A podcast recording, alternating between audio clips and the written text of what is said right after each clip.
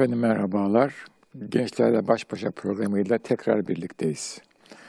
Hayırlı vakitler olsun, zamanın bereketi olsun inşallah. Ve e, besmele ile programımızı açıyoruz. Bu programda konumuz toplum ve insanlık. Bu konuyu şimdi bir başka e, noktayı nazardan gündeme getiriyoruz. Bu da insan ve uzak çevresi. İnsan dediğimiz varlığın bir çevre içinde yaşamak zorunda olduğunu belirtmiştik. Bunu herkes kabul ediyor. Bir yakın çevresi var. Yani insanın her an, her gün temas içinde olduğu çevre. Bir de duyduğu, bildiği, zaman zaman ziyaret ettiği, zaman zaman da oradan gelen insanlarla karşılaştığı, tanıştığı bir çevre var. Buna da uzak çevre diyoruz. Acaba insanın uzak çevresi hangi ölçekte ve nereye doğru giderek genişliyor? Ben bu uzak çevre meselesini iç içe geçmiş kürelerle ifade etmek istiyorum. Ortada küçük çaplı bir küre, onun dışında daha büyük çaplı, daha büyük çaplı ve daha büyük çaplı.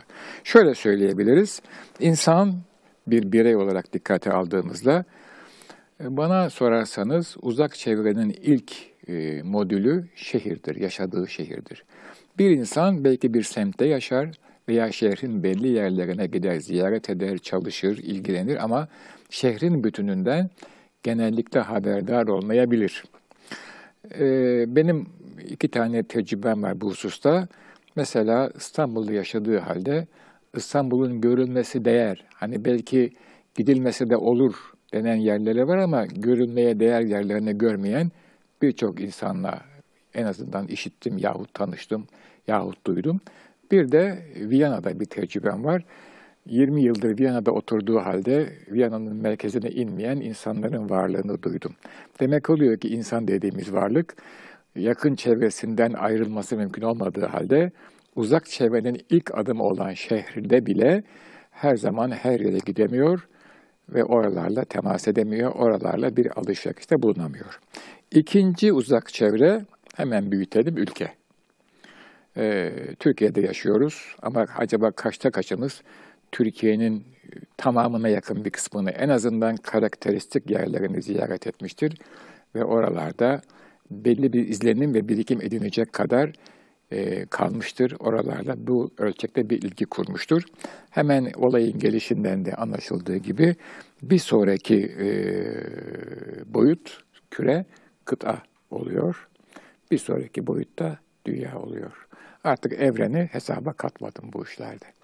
Yani sınırlı, algılanabilir, tutulabilir, görülebilir bir küreyle bitirdim. Evreni hesaba katsaydım eğer, o orada büyük bir e, bilinmezliğe doğru yelken açacaktım. Şimdi bu kürelerin hepsinde e, bir ortak akıl var, bir ortak birikim var. Düşüncede, duyguda, görgüde, tefekkürde, felsefede, sanatlarda ve şüphesiz maddi dünyada bir ortak üretim var. Şehrin ortak üretimi, ortak aklı başka, ülkeninki başka, kıtanınki başka, dünyanınki başka. Ama şu hemen çok net olarak görülüyor ki, şehirden dünyaya doğru gittikçe üretilen ortak aklın niteliği, çeşitliliği, derinliği, vüsati, zenginliği artıyor. Dolayısıyla bütün dünyanın, bütün kürenin ortak aklı belki en zengin, belki insanlığın ortak aklı olarak nitelendirilebilir. Peki bu ortak akıldan nasip almak mümkün mü? Şüphesiz mümkün. Maddi ve manevi boyutlarıyla bu ortak aklın iki tane ana girdisi var. Bunlar her zaman olduğu gibi medeniyette de öyle, sanatta da öyle. Seküler beşeri ortak akıl, bir de beşerinin ötesinde aşkın dünyadan gelen bir ortak akıl. Beşeri ortak akıl insan varlığının sadece akılla ürettiği ve topladığı bir sistem, bir ortak akıl. Ama aşkın dünyadan gelenin içerisinde hem beşeri birikimler var, aynı zamanda aşkın dünyadan gelen haber veya İslami terimlerle söylersek vahyin haberi de var.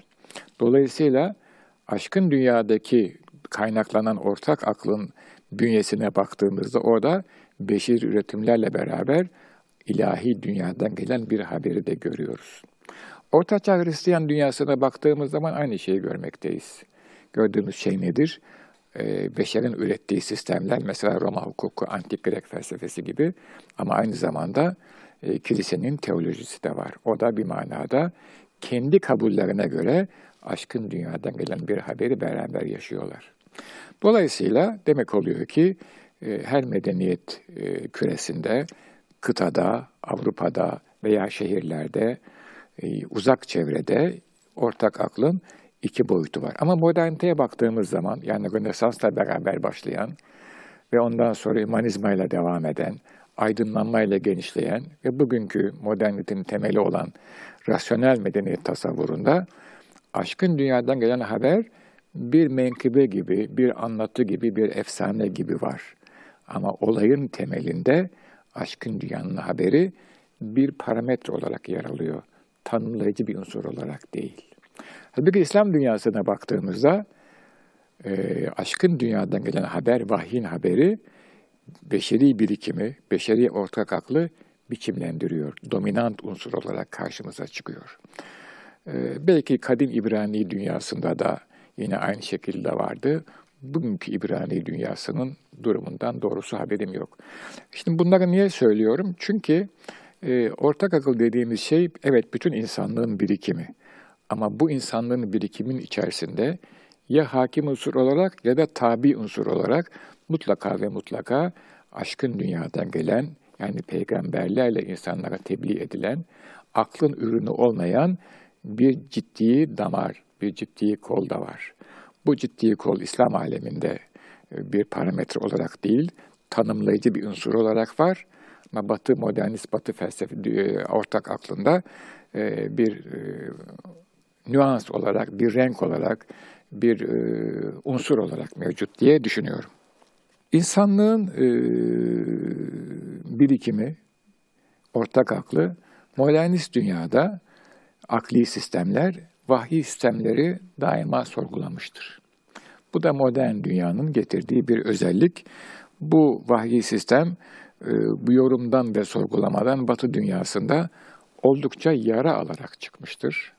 Hatta ben kendi bir takım yazılarımda ve konuşmalarımda diyordum ki Ortaçağ e, Katolikliği manastırların kalın duvarların arkasına itildi.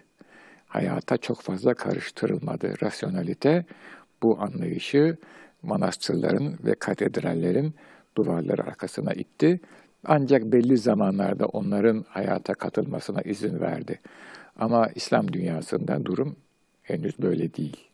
Böyle olur mu onu bilemem ama henüz böyle olmadığını görüyorum. Dolayısıyla e, insanlığın ortak aklı çok önemli bir birikim. İçinde gerek vahiy olsun gerek olmasın. Bana sorarsanız herhangi bir entelektüelin veya entelektüel olmak isteğinde olanın eski tabirle münevver veya aydın diyelim yeni tabirle malum entelektüel bir batılı lakırdı. E, bu ortak akıldan en azından haberdar olması lazım. Ortak olursa Ali ala eski tabirle ama en azından yani ne oluyor dünyada? Şimdi yakın çevre size yerel bir ortak akıl veriyor. Hiç reddetmiyorum. Ama uzak çevre size dünyada ne olup ne bittiğinden haber veriyor. Ayrıca bir Müslüman olarak olaya baktığımda bu arzın her yeri bir Müslüman için arzsa, mescitse, onun emrine musahhar kılınmışsa o halde bu arzın her yerinde üretilen ortak akılda da bir tecelli vardır, bir nasip vardır diye düşünüyorum. O nasibin niteliği, niceliği, nerede olduğu yüzdesi o bizim ferasetimize ve basiretimize bırakılmıştır. İnsanlar zaman zaman e, ortak akıl diye bir e, bilgi yığınına dalıyorlar ve orada kayboluyorlar. Ama zaman zaman da o yığının özünü alıyorlar, hikmetini alıyorlar ve onu kendilerine mal ediyorlar. Bu aynı zamanda işte ilim Çin'de de olsa ondan nasibinizi, nasibinizi alınız. Çin yerine isterseniz Amerika'yı, isterseniz Kanada'yı, isterseniz Rusya'yı koyalım yahut Bağdat'ı koyalım. Arz bir Müslüman için her zaman ve her yeriyle hem mescittir hem de hikmetin, tecelliyen, tecelliyatın oluştuğu yerdir diye düşünüyorum. Ancak Böyle bir ortak akla e, sahip olmak için, e, yararlanmak için bundan bazı şartlar gerekiyor. Bir defa bir donanım gerekli. Neden? Çünkü dil meselesi var, adetler meselesi var. Yani şahsınıza ait bir altyapının oluşması lazım. İnsan bilgi kazandıkça ve o bilgiyi idrak düzeyine çıkardıkça, yani bilgi kendisinin oldukça soru sorma yeteneği artar. Soru sormayan insanın hayatta hiçbir problemi de olmaz zaten yani. Çünkü her problem yeni soruları doğurur. Ne verseler ana şadi, ne kılsalar ana şahat diyor şair. Ha bu ve tevekkülü ifade ettiği gibi bir soru olmayışını, bir düzeysizliği de ifade edebilir. Zihni bakımdan bir ataleti ifade eder. Ha her insanda zihni cevaliyet söz konusu olmaz. Zaten o insanları kendi haline bırakırsınız. O gayet mutludur, yaşar ve öyle insanlar lazımdır. Ama kabiliyeti olduğu halde zihnine atalete sevk eden insan bana sorarsanız hem bu dünyada inanıyorsa hem de öbür dünyada mesuldür. Çünkü o bir mevhibe-i rahmanidir, Allah'ın bir hediyesidir. O hediyenin teşekkürünü, şükrünü ifa etmek lazım. O da cevval bir zihinle. Dolayısıyla bir şehirde yaşamak ve şehrin ortak aklından yararlanmak, misal olarak söylersek, beş nispetinde bir donanım gerektiriyorsa, ülkeden haberdar olmak belki on, kıtadan haberdar olmak belki on beş, dünyadan haberdar olmak yirmi mertebe donanım gerektirir. Bunun içinde dil, görgü, merak, adet vesaire dahil. Yani böyle bir zihinsel cevvaliyet içinde olmak lazım. Bu olduğu zaman ikinci şey, e, etap merak başlar. Merak olmadan hayatta bir yere varmak mümkün değil. Merak aynı zamanda fark etmeyi ortaya çıkarır. Eğer siz belli bir şehirde bir ömür boyu yaşamışsanız, dünyayı o şehirden ibaret zannedersiniz farklı bir şehre gittiğiniz zaman kendi ülkenizde aynı kültürel atmosferde, aynı e, ambiyansta farklı bir yorum görürsünüz. İklim değişmiştir, insanlar değişmiştir, adetler değişmiştir ama yukarıdaki ortak e, çizgiler aynıdır. Bu dersiniz ki benim yaşadığım şehir başka, burası başka. Dolayısıyla yeni bir kodlar düzeni daha gelir sizin şehirdeki kodlarınızın yanına. Bir başka bölgeye gitmişseniz bu zenginleşir. Dersiniz ki ülkemizin aşağı yukarı halkı, coğrafyası, adetleri, ambiyansı, havası budur. Bu merakla olur. Yahut zor, mesela ben öyle insanlar tanıdım ki Türkiye'yi gezmişler, vazife icabı, fakat hiçbir şeyin farkına varmamışlar. Çünkü lojmandan çıkmamışlar. E, onun kabiliyeti o kadar diyorum. Ama kabiliyeti olup da merak etmeyen için e, doğrusu ayıplıyorum ve üzülüyorum. Farktır insanı harekete geçiren, merak uyandıran yahut merak farklı fark merakı doğurur.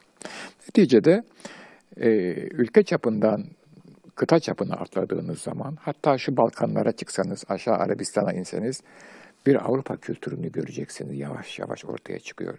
Bir Orta Doğu kültürünü göreceksiniz, yavaş yavaş ortaya çıkıyor. E da sonra isterseniz dünyaya geldiğiniz zaman göreceksiniz ki e, sizin gibi milyonlarca birey var. Onların aileleri var, kendilerine göre adetleri var ve böylece hayatınızın anlamı yani size sunulan veriler, sizin yaşadığınız çağda elinizin altında olan doneler çok daha zenginleşecek. Böyle bir tespit yapan insanın hayata karşı duruşu, çözüm üretişi yahut yorumlayışı çok daha doğru, çok daha zengin ve çok daha farklı olacaktır. Ancak donanım olmazsa merak da oluşmaz ve fark etmezsiniz. Donanım olduğu zaman bir manada donanım adeta alıcı bir e, radyo cihazı gibidir. Neşriyat var ama cihaz elinizde yoksa hiçbir şey almazsınız. Ama o cihat, o cihaz elinizde varsa o cihazla beraber birçok neşriyatı alabilirsiniz. O cihazınız ne kadar iyiyse, ne kadar hacimliyse, verimliyse farklı neşriyatları alırsınız. Ve her neşriyat size bir acabaya yol açabilir. Bugün açmazsa yarın açar. Bir üçüncü, imkan. Üçüncü şart imkan meselesi. İmkan dediğim zaman enerji, yani bedensel enerji, zihinsel enerji, para ve zamanı kastediyorum. Bunlar olmadığı zaman ne kadar merakınız olursa olsun o merak bir noktada kalır. E, paranız, para dediğimiz şeyin imkanını, e, e, e, miktarını kastetmiyorum.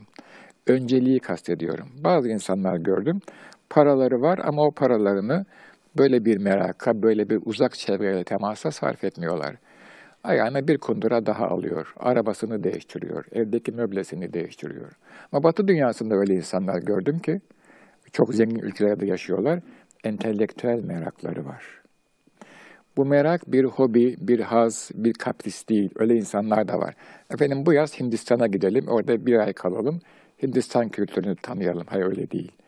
Hindistan kültürünün arkasındaki değerler sistemi acaba ne? Gerekirse onun dilini öğreniyor. Gerekirse oradan bir insanı misafir ediyor ve kendisi orada kalıyor. Bir entelektüel merak ve okuyor. Ve bilenlerle konuşuyor, tartışıyor.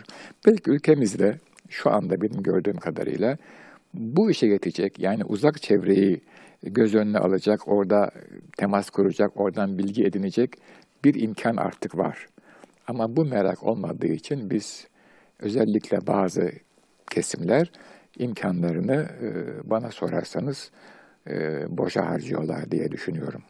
Çünkü dünyaya baktığım zaman iyi kötü görebildiğim kadarıyla her toplumun çok fazla insanı değil, çok cüzi bir yüzdesi bu entelektüel merakın peşindeler. Kendi hayatlarına, çevrelerine, konforlarına standart bir ilgi gösteriyorlar ama artan imkanı, zamanı ve enerjiyi uzak çevreyi tanımakta kullanıyorlar. Hele İslam dünyasını tanımakta çok ciddi bir eforları var. Çünkü e, Orta Doğu ve İslam dünyasının dünyaya yapabileceği katkıları şimdi Amerikalılar sezmeye başladılar. O katkıların menşeini araştırmaya başladılar. Bunun için de ilk eserlere, ilk kaynaklara kadar inip gereken ilgiyi gösteriyorlar ve bilgilenmeye çalışıyorlar. O halde şöyle söylemek belki daha doğru olacak.